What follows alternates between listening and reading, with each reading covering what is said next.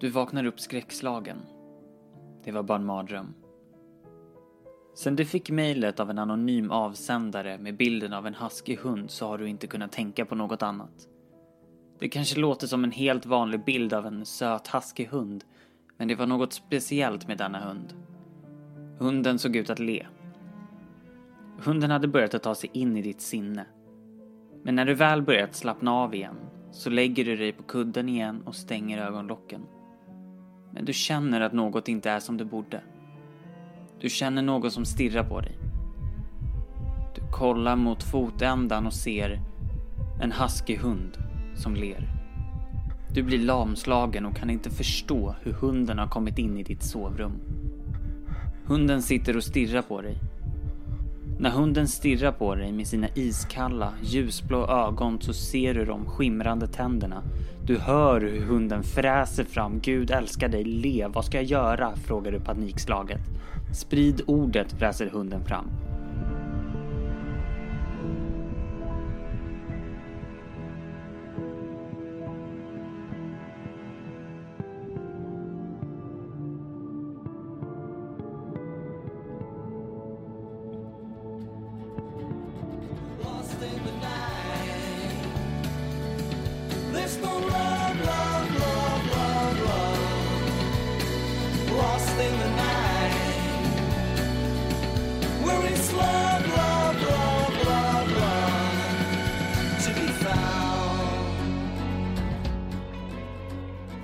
Hej och välkommen till ett nytt avsnitt av Lägerelden. I detta avsnittet så kommer vi prata om creepypastas. Och creepypastas och urban legends är väldigt lika varandra och kategoriseras ofta som samma. Men just i creepypasta-avsnitten så kommer vi att ta upp mer kända fall, eller kända historier. Även om jag vet att Slenderman-fallet finns i avsnittet Urban Legends och att vi tog upp det ryska sömnexperimentet i Urban Legends 3. Men återigen, dessa ämnen är väldigt lika varandra. Men nu ska vi återgå till avsnittet och vår första historia om Smile.dog eller som historien också kallas Smile.jpeg Berättas av Rasmus Kälvenstam, Josefin Stark och Johan Larsson.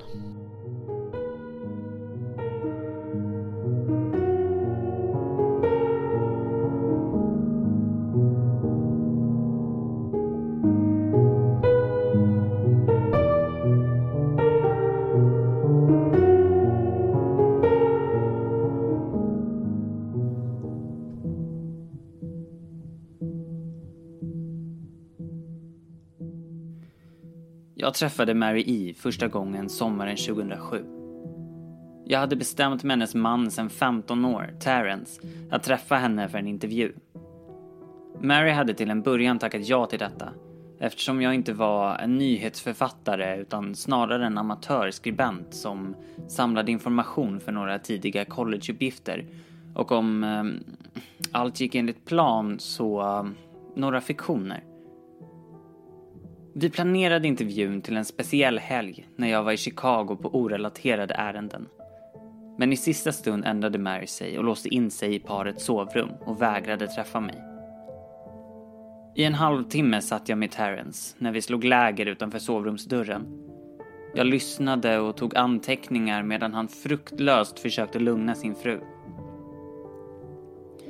De saker som Mary sa var föga meningsfullt men passade in i det mönster jag förväntade mig.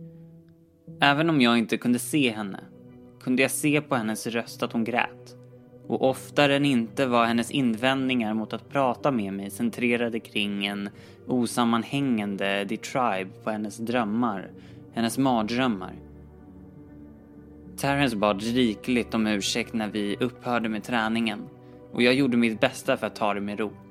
Minns att jag inte var en reporter på jakt efter en berättelse utan bara en nyfiken ung man på jakt efter information.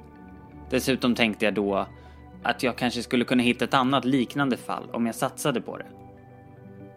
Mary E var sopor för ett litet Chicago-baserat anslagstavlasystem 1992 när hon först stötte på Smile.jpg och hennes liv förändrades för alltid. Hon och Terrence hade varit gifta i bara fem månader. Mary var en av uppskattningsvis 400 personer som såg bilden när den lades upp som en hyperlänk på BBS. Även om hon är den enda som har talat öppet om upplevelsen. Resten har förblivit anonyma.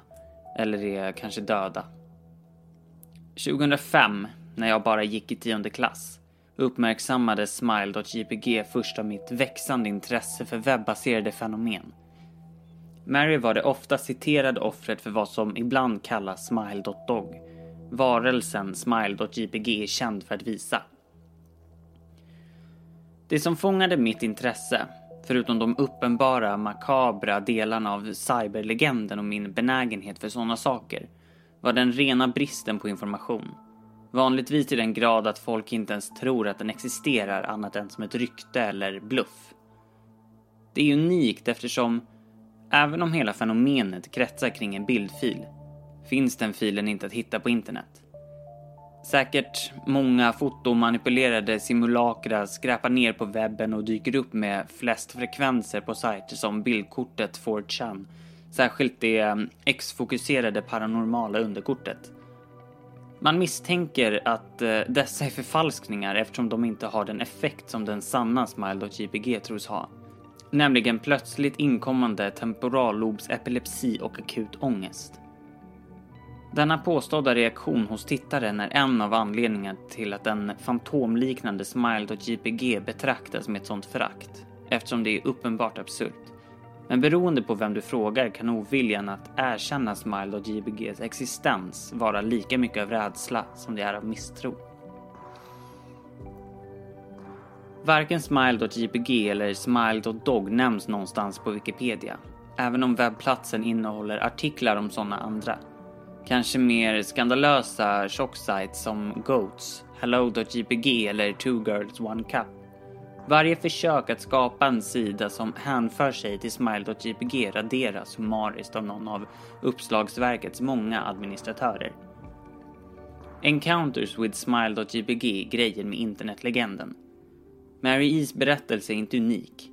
Det finns overifierade rykten om Smile.jpg som dyker upp under usens tidiga dagar och till och med en ihärdig berättelse om att en hacker 2002 översvämmade forumen för humor och satirwebbplatsen Something Awful med en syndaflod av Smile.dog-bilder, vilket återger nästan forumets användare vid den tiden epilepsi.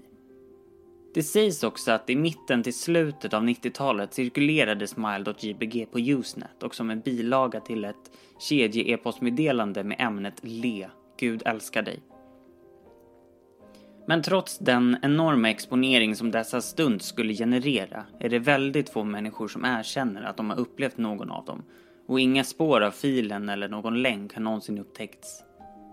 De som säger sig ha sett Smile.jpg skämtar ofta svagt om att de var alldeles för upptagna för att spara en kopia av bilden på sin hårddisk. Men alla påstådda offer ger samma beskrivning av fotot. En hundliknande varelse, vanligtvis beskriven som att likna en Siberian husky, upplyst av blixten från kameran, sitter i ett dunkelt rum. Den enda bakgrundsdetaljen som syns är en mänsklig hand som sträcker sig från mörkret när den vänstra sidan av ramen. Handen är tom, men brukar beskrivas som vinkar. Naturligtvis ges mest uppmärksamhet åt hunden, eller hundvarelsen, eftersom vissa offer är mer säkra än andra på vad de påstår sig ha sett. Odjurets nosparti sägs vara delat i ett brett leende och avslöjar två rader med mycket vita, mycket raka, mycket vassa och mycket mänskliga tänder. Detta är naturligtvis inte en beskrivning som ges direkt efter att ha sett bilden, utan snarare ett minne av offren. Dessa anfall rapporteras fortsätta obestämbart, ofta medan offren sover, vilket resulterar i mycket livliga och störande mardrömmar. Dessa kan behandlas med medicin, men i vissa fall är det mer effektivt än andra. Och jag antog att Mary E inte fick en effektiv medicin. Det var därför jag, efter mitt besök i hennes lägenhet 2007, skickade ut kännare till flera folklor och stadslegendorienterade nyhetsgrupper, webbplatser och e-postlistor i hopp om att hitta namnet på ett förmodat offer för Smiled och GPG som kände sig mer intresserad av att berätta om sina erfarenheter. Ett tag hände ingenting och till slut glömde jag helt bort mina sysselsättningar eftersom jag hade börjat mitt första år på college och var ganska upptagen. Mary kontaktade mig via e-post och i början av mars 2008 till gml.gmail.com från maryi.hotmail.net Ämne förra sommarens intervju. Bästa herr L. Jag är otroligt ledsen över mitt beteende förra sommaren när du kom för att intervjua mig. Jag hoppas att du förstår att det inte var ditt fel utan snarare mina egna problem som fick mig att agera som jag gjorde. Jag insåg att jag kunde hantera situationen snyggare. Men jag hoppas att du förlåter mig. För på den tiden, då var jag rädd. Du förstår. I 15 år har jag varit hemsökt av Smile JPEG. Smile Dog kommer till mig i sömnen varje natt.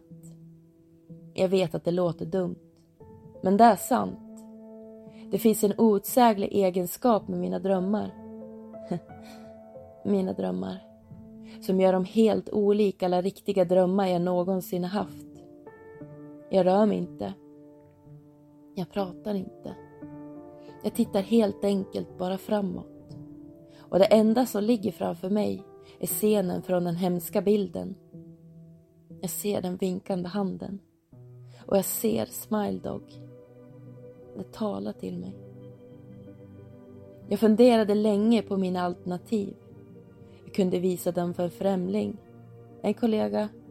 Jag kunde till och med visat den för Terrence. Lika mycket som tanken äcklade mig. Och vad skulle hända då? Ja, om Smile Dog höll sitt ord kunde jag sova. Men om den ljög, vad skulle jag då göra? Och vem skulle säga att något värre inte skulle komma till mig bara för att jag gjorde som varelsen bad om? Så jag gjorde ingenting. Ingenting på 15 år. Även om jag höll disketten gömd bland mina saker så varje natt i 15 år har Smile Dog kommit till mig i sömnen och krävt att jag ska sprida budskapet. I 15 år har jag stått stark, även om det har varit svåra tider. Många av mina medoffer i BBS-styrelsen, där jag först stötte på Smile JPEG, de slutade skriva. Jag hörde att några av dem begick självmord. Andra förblev helt tysta och försvann helt enkelt ifrån nätet. Det är dem jag oroar mig mest för. Jag hoppas innerligt att du kommer att förlåta mig, herr Men förra sommaren när du kontaktade mig och min man angående intervjun, då var jag nära bristningsgränsen. Jag brydde mig inte om Smile Dog ljög eller inte. Jag ville bara att det skulle ta slut. Och du var en främling. Någon jag inte hade något samband med. Och jag trodde att jag inte skulle känna sorg när du tog disketten som en del av din forskning och beseglade ditt öde. Innan du kom insåg jag vad jag gjorde. Jag planerade att förstöra ditt liv. Jag kunde inte stå ut med tanken. Och det kan jag faktiskt fortfarande inte. Jag skäms, herr L. Och jag hoppas att denna varning kommer att avskräcka dig från ytterligare undersökning av Smile JPEG. Du kan med tiden stöta på någon som är, om inte svagare än jag, så helt depraverad. Någon som inte kommer att tveka att följa Smile Dogs order. Sluta medan du fortfarande är hel. Med vänlig hälsning, Mary E. Terrence kontaktade mig senare i samma månad med nyheten att hans fru hade tagit livet av sig. När han städade upp de olika sakerna hon lämnat efter sig, stängde e-postkonton och liknande, råkade han ut för meddelandet ovan. Han var en man i spillror. Han grät när han sa åt mig att lyssna på hans frus råd. Han hade hittat disketten, avslöjade han, och bränt den tills det inte var något annat än en stinkande hög med svärtad plast. Den del som störde honom mest var dock hur disketten hade fräst när den smälte. Som något slags djur, sa han. Jag ska erkänna att jag var lite osäker på hur jag skulle svara på detta. Först tänkte jag att det kanske var ett skämt. Att paret försenat lekte med situationen för att få en uppgång ur mig. Men en snabb kontroll av flera Chicago-tidnings dödsannonser på nätet visade dock att Mary E verkligen var död. Det stod naturligtvis inget om självmord i artikeln. Jag bestämde mig för att under åtminstone en tid inte fortsätta med ämnet Smile.jpg. Särskilt eftersom jag hade finaler på gång i slutet av maj. Men världen har konstiga sätt att testa. Nästan ett helt år efter att jag hade återvänt från min katastrofala intervju med Mary E fick jag ytterligare ett mejl. Till gmail.gmail.com från elsahir82hotmail.com Ämne leende. Hej! Jag hittade din e-postadress via en e-postlista. Din profil sa att du är intresserad av Smile Dog. Jag har sett att det inte är så illa som alla säger det, att jag har skickat det till dig här. Bara att sprida ordet. Den sista raden kylde mig ända till benet. Enligt min e-postklient fanns det en filbilaga som hette naturligtvis smile.jpg. Jag funderade på att ladda ner den ett tag. Det var med största sannolikhet en fake, föreställde jag mig.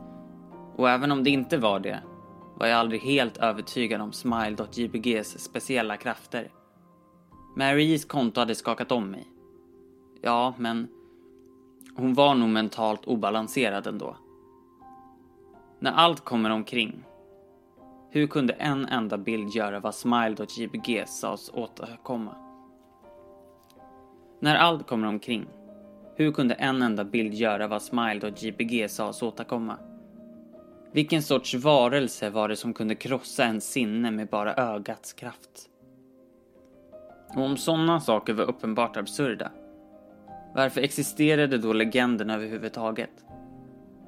Om jag laddade ner bilden, om jag tittade på den och om Mary visade sig ha rätt, om Smile.dog kom till mig i mina drömmar och krävde att jag skulle sprida ordet, vad skulle jag göra? Skulle jag leva mitt liv som Mary hade och kämpa mot lusten att ge efter tills jag dog? Eller skulle jag helt enkelt sprida ordet, ivrig efter att få vila? Och om jag valde den senare vägen, hur skulle jag kunna göra det? Vem skulle jag belasta i min tur? Om jag gick igenom med min tidigare avsikt att skriva en kort artikel om smile.jpg bestämde jag mig för att jag kunde bifoga den som bevis. Och alla som läser artikeln, alla som var intresserade skulle påverkas. Och även om jag antar att smile.jpg som bifogas i e-postmeddelandet var äkta, skulle jag vara nyckfull nog att rädda mig själv på det sättet.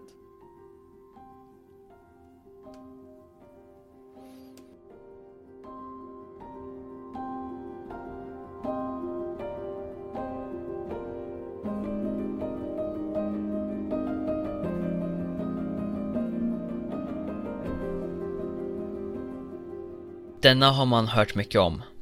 Man får ju hoppas på att det stämmer om att bilden man ser på internet inte har denna förbannelsen. Men nu ska vi gå vidare till en annan creepypasta. För dig som har clownfobi kommer inte gilla denna.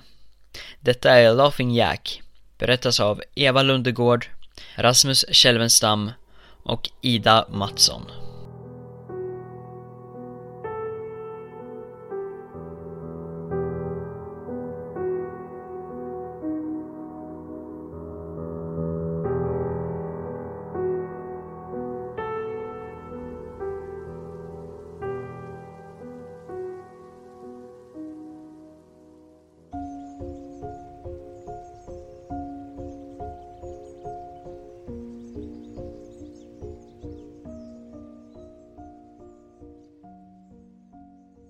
Det var en fin sommardag. Min femårige son James lekte ute på bakgården till vårt förortshem.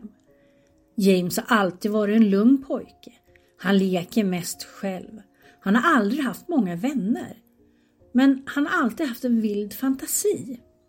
Jag var i köket och matade vår hund Fido när jag hörde vad som lät som att James pratade med någon på bakgården. Jag är inte säker på vem det var han kunde prata med kunde han äntligen ha fått en vän. Som ensamstående mamma är det svårt för mig att alltid hålla ett öga på min son. Så jag bestämde mig för att gå ut och kolla till honom. När jag gick in på bakgården var jag lite förvirrad eftersom James var den enda personen där. Pratade han med sig själv? Jag kunde ha svurit på att jag hörde en annan röst. Jag ropade till honom. Han kom in och satte sig vid köksbordet. Det var vid lunchtid så jag bestämde mig för att göra en kalkonmacka till honom. James, vem pratar du med där ute? Frågade jag. James tittade upp ett ögonblick, Jag lekte med min nya vän. sa han och log. Jag hällde upp lite mjölk till honom och fortsatte att ordna smörgåsen som vilken bra mamma som helst. Har din vän ett namn? Varför bad du inte honom att äta lunch med oss? Frågade jag. James stirrade på mig en stund innan han svarade. Han heter Skrattande Jack. Jag blev lite tillbakatagen av vad han sa. Åh, det var ett konstigt namn. Hur ser din vän ut? Frågade jag lite förvirrat. Mm. Han, ha, han är en clown. Han har långt hår och, och en stor snurrig näsa. Och, och han har han, långa armar och baggy byxor med det är ett par randiga strumpor och, och han ler alltid. Jag insåg att min son pratade om en imaginär vän. Jag antar att det är normalt för barn i hans ålder att ha fantasivänner. Speciellt när han inte har några riktiga barn att leka med. Det är nog bara en fas. Resten av dagen gick som vanligt och det började bli sent så jag lade James i säng. Jag stoppade om honom, gav honom en kyss och såg till att tända hans nattlampa innan jag stängde dörren. Jag var själv ganska trött så jag bestämde mig för att gå och lägga mig inte så långt efter. Jag hade en hemsk mardröm. Det var mörkt. Jag var i någon form av nedgången nöjespark. Jag var rädd. Sprang genom ett oändligt fält av tomma tält, trasiga åkattraktioner och övergivna vilthyddor. Hela stället hade ett hemskt utseende. Allt var svart och vitt. Prisgosedjuren hängde alla från snaror i vilthyddor, alla med sjuka flin fastsydda i ansiktet. Det kändes som att hela parken tittade på mig, även om det inte fanns något annat levande i sikte. Så plötsligt började jag höra musik spelas. Ljudet av Pop Goes to Weasel som spelades på en squeezebox ekade genom parken. Det var hypnotiserande. Jag följde dess melodi till cirkustältet nästan i trans utan att kunna stoppa mina ben från att röra sig framåt. Det var kolsvart. Det enda ljuset kom från en strålkastare som lyste mitt på den stora toppen. Runt, runt mullbärsbusken apan jagade vesslan men apan har roligt. Musiken stannade precis innan dess klimax och plötsligt tändes lamporna. Intensiteten på ljusen var praktiskt taget bländande. Allt jag kunde se var en liten mörk silhuett som skyfflade mot mig. Sedan dök det upp en till och en till och en till. Det var dussintals av dem. Alla kom emot mig. Jag kunde inte röra mig. Mina ben var frusna. Allt jag kunde göra var att se när de hemsökande figurerna närmade sig. När de kom närmare kunde jag se det var barn.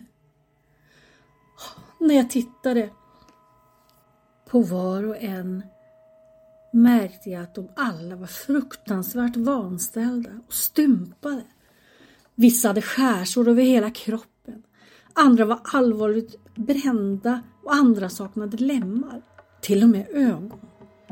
Barnen omslöt mig, klängde på mig, släpade mig till marken och slet i mig. När barnen slet isär mig och jag tynade bort hörde jag bara skratt. Hemskt, hemskt, ont skratt. Nästa morgon vaknade jag helt kallsvettig. Efter att ha tagit några djupa andetag tittade jag över och såg att några av James actionfigurer stod vända mot mig ovanpå mitt nattduksbord. Jag suckade. James hade nog vaknat tidigt och lagt dessa här. Jag samlade ihop leksakerna och begav mig till James rum. Men när jag öppnade dörren somnade James. Jag bara ryckte på axlarna och placerade tillbaka leksakerna i hans leksakslåda och gick ut till vardagsrummet. En liten stund senare vaknade James och jag gjorde frukost till honom. Han var tyst och verkade lite groggy. Kanske sov han inte så bra heller. Jag bestämde mig för att fråga honom om leksakerna. James, älskling. La du leksakerna i mammas rum i morse? Hans ögon sköt upp mot mig ett ögonblick och tittade sedan snabbt tillbaka ner på hans flingor. Skrattande Jack gjorde det. Jag himlade med ögonen och svarade. Du säger till skrattande Jack att ha leksakerna i ditt rum. James nickade och avslutade sin frukost och bestämde sig sedan för att gå och leka på bakgården. Jag gick för att koppla av i vardagsrummet och jag måste ha slumrat till. För jag vaknade ett par timmar senare. Shit, jag måste kolla på James. Jag var lite orolig. Det hade gått över två timmar och jag hade inte kollat honom. Jag gick och klev ut på bakgården men James var inte där längre. Jag blev nervös så jag ropade till honom. James! James! Var är du? Just då hörde jag ett fniss komma från gården. Jag rusade genom porten runt till framsidan av huset. James satt på trottoaren. Jag andades ut av lättnad och gick fram till honom. James, hur många gånger har jag sagt till dig att stanna på trädg... James? Vad äter du? James tittade upp på mig och sträckte sig sedan ner i fickan och drog fram en hand full med hårda godis i alla färger. Detta gjorde mig väldigt nervös. James, vem gav dig det där godiset? James bara stirrade på mig utan att prata. James, snälla! Berätta för mamma var du har fått tag i det där godiset. James hängde med huvudet och sa Det var skrattande Jack som gav mig det. Mitt hjärta sjönk. Jag knäböjde för att se honom i ögonen. James, jag har fått nog av den här jävla skatten i Jack-grejen. Han är inte riktig. Nu är det det här mycket allvarlig situation och jag behöver veta vem som gav dig det där godiset. Jag kunde se min sons ögon tåras. Ehm, mamma, skrattande Jack gav mig godiset. Jag slöt ögonen och tog ett djupt andetag. James har aldrig ljugit för mig. Men det han säger till mig är omöjligt. Jag får honom att spotta ut godiset och jag kastar resten. James verkar må bra. Jag kanske bara överreagerar efter allt han kunde ha fått av Tom och Linda från grannhuset. Eller Mr Walker nere på gatan. Ja, I vilket fall som helst måste jag hålla ett öga på James. Den natten lade jag James som vanligt.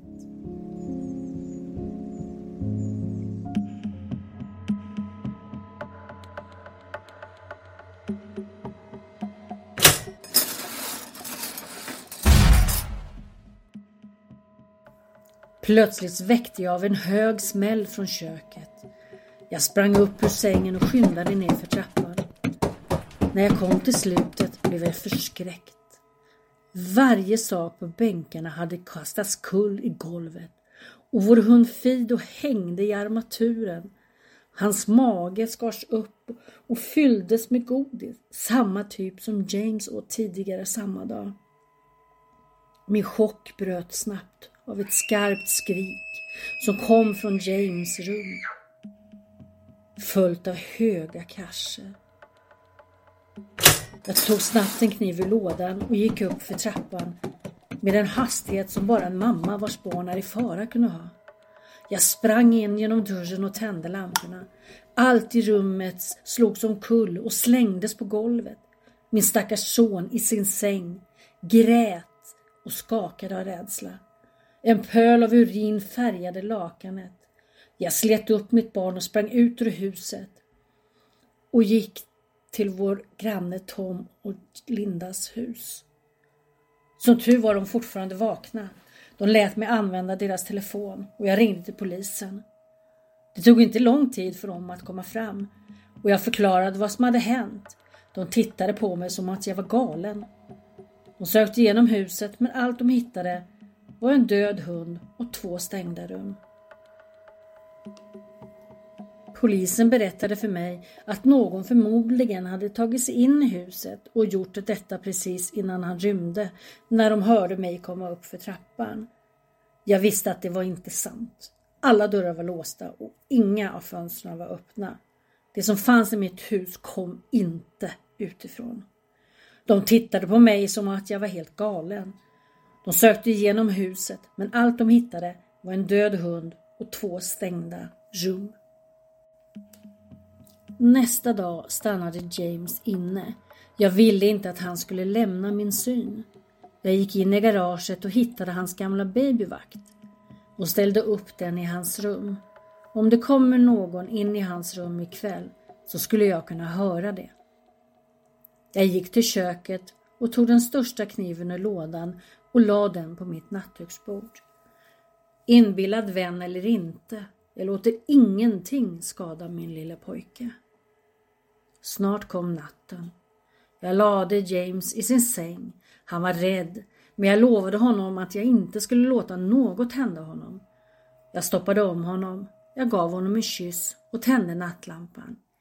Innan jag stängde dörren viskade jag till honom. Godnatt James, jag älskar dig. Jag försökte vara uppe så länge jag kunde, men efter några timmar kände jag hur jag drev iväg. Min bebis skulle vara säker för natten och jag behövde sova. Precis när jag la mitt huvud mot kudden hörde jag ett mjukt ljud komma från babyvakten som jag hade satt på mitt nattduksbord. Först lät det som störningar, som en radio skulle göra. Sedan övergick det till ett mjukt stön. Sov James? Sedan hörde jag det skrattet från min mardröm. Det där hemska skrattet. Jag sprang upp ur sängen och tog tag i kniven under min kudde. Jag rusade fram till James rum och knarrade upp dörren. Jag provade blicken på ljusströmsbrytaren men den tändes inte. Jag tog ett steg in och jag kände den varma tjocka vätskan på mina fötter. Plötsligt tändes James nattlampa och jag kunde se den absoluta skräcken som låg framför mig. James kropp spikades upp på väggen. Spikarna genomborrade hans händer och fötter. Hans bröstkorg skars vidöppet och hans organ hängde ner mot golvet. Hans ögon och tunga hade tagits bort tillsammans med de flesta av hans tänder. Jag var äcklad. Jag kunde knappt tro att detta var min pojke. Sedan hörde jag igen det där mjuka, desperata stönet. James levde fortfarande. Mitt barn, mitt stackars barn med så mycket smärta som knappt klamrar sig fast vid livet. Jag sprang över rummet och kräktes på golvet. Men jag avbröts av ett hemskt kacklande som kom bakom mig. Jag snurrade runt medan jag fortfarande torkade galla ur min mun. Och sedan dök den djävul som var ansvarig för att all denna fasa upp ur skuggorna. Laughing Jack. Hans vita spökhud och toviga svarta hår hängde ner till hans axlar. Han hade genomträngande vita ögon omgivna av mörka, svarta ringar. Hans vridna leende avslöjade en rad vassa taggiga tänder och hans hud såg inte alls ut som hud. Den såg nästan ut som gummi eller plast. Han bar en fläckig svartvit clownoutfit med randiga ärmar och strumpor. Hans kropp var grotesk. Hans långa armar hängde ner förbi hans midja och sättet han var i balans fick honom att se nästan benlös ut, som en trasstocka. Han släppte ut ett sjukt skratt för att låta mig veta att han var nöjd med min reaktion på hans arbete. Han vände sig sedan långsamt om framför James och började skratta ännu mer åt den hemska synen som han hade lagt ut. Det räckte för att skaka mig från min skräck. Jag slog till. Gå bort från honom din jävel! Jag rusade mot monstret och lyfte kniven över mitt huvud och högg mer mot honom. Men så fort kniven rörde vid honom försvann han i ett moln av svart rök. Nej, vad har jag gjort? Min baby. Jag dödade min baby. Jag föll omedelbart på knä och jag kunde höra sirener på avstånd växa sig starkare. Min pojke, min söta pojke. Jag lovade att mamma skulle skydda dig. Men jag misslyckades. Jag är ledsen James. Jag är så ledsen. Polisen kom snart för att hitta mig framför min son, fortfarande med kniven täckt av mitt barns blod. Rättegången var kort. Galenskap. Jag placerade i Ferrophilus House of the Criminal Insane. Där jag har varit de senaste två månaderna. Det är inte så illa här. Den enda anledningen till att jag är vaken nu är för att någon spelar Pop Goes the Weasel utanför mitt fönster. Jag ska prata med ordningsvakterna om det imorgon.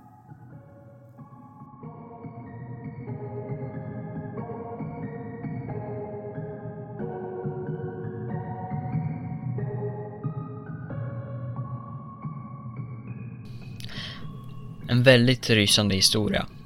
Men nu ska vi gå in i avsnittets sista historia. Och detta är en ritual vid namn Eleven Miles. Inläst av Ida Mattsson.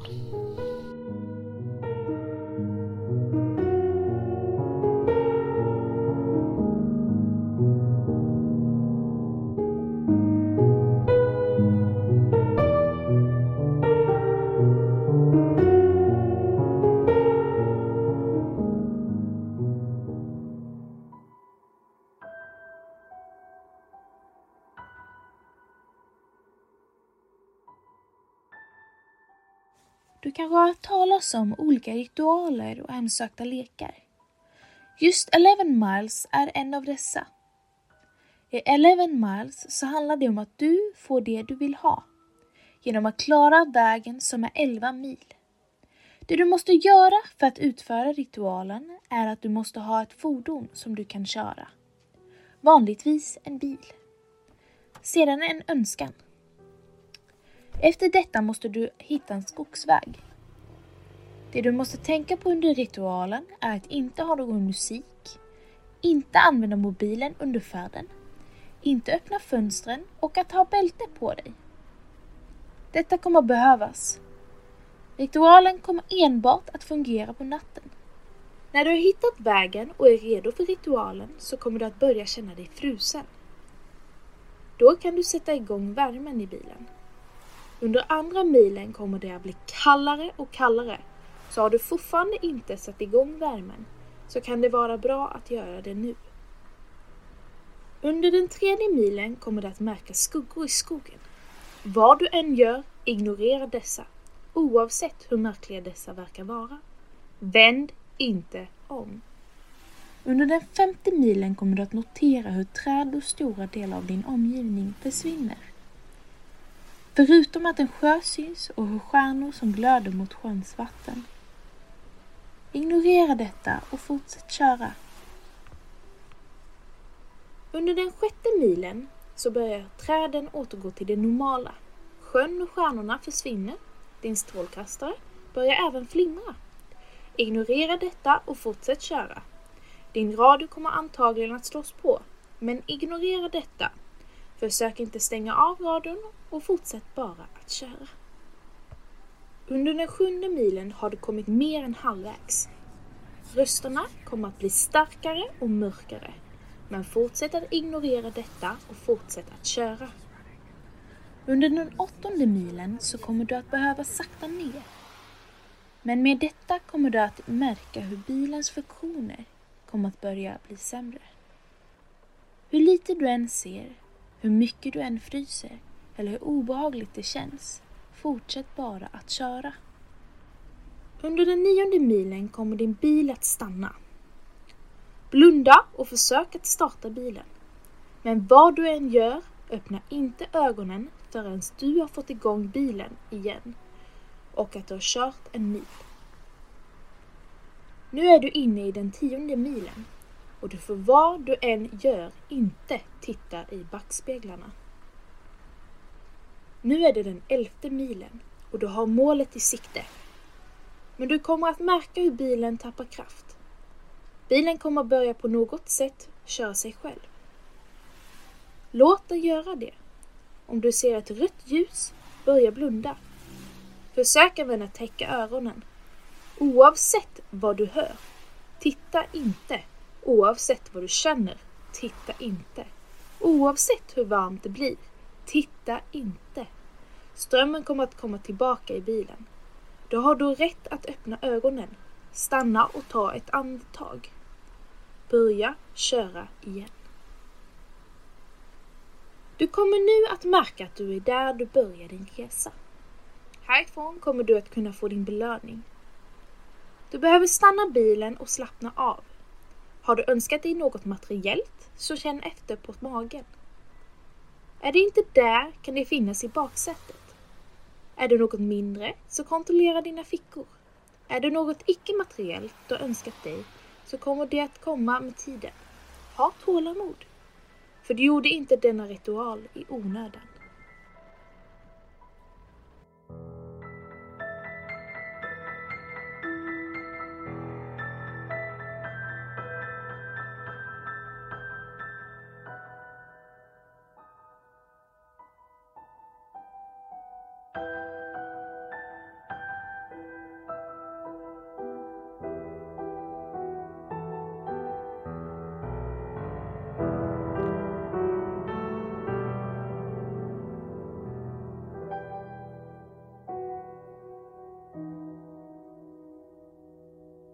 Detta var det sista vi hade att erbjuda för idag. Vill ni kommentera dagens avsnitt så kan ni göra det på vår Facebookgrupp vid namn Lägerelden Eftersnack. Vill ni komma i kontakt med mig så kan ni mejla mig på rasmusandbry gmail.com Tack för att ni har lyssnat. Lost in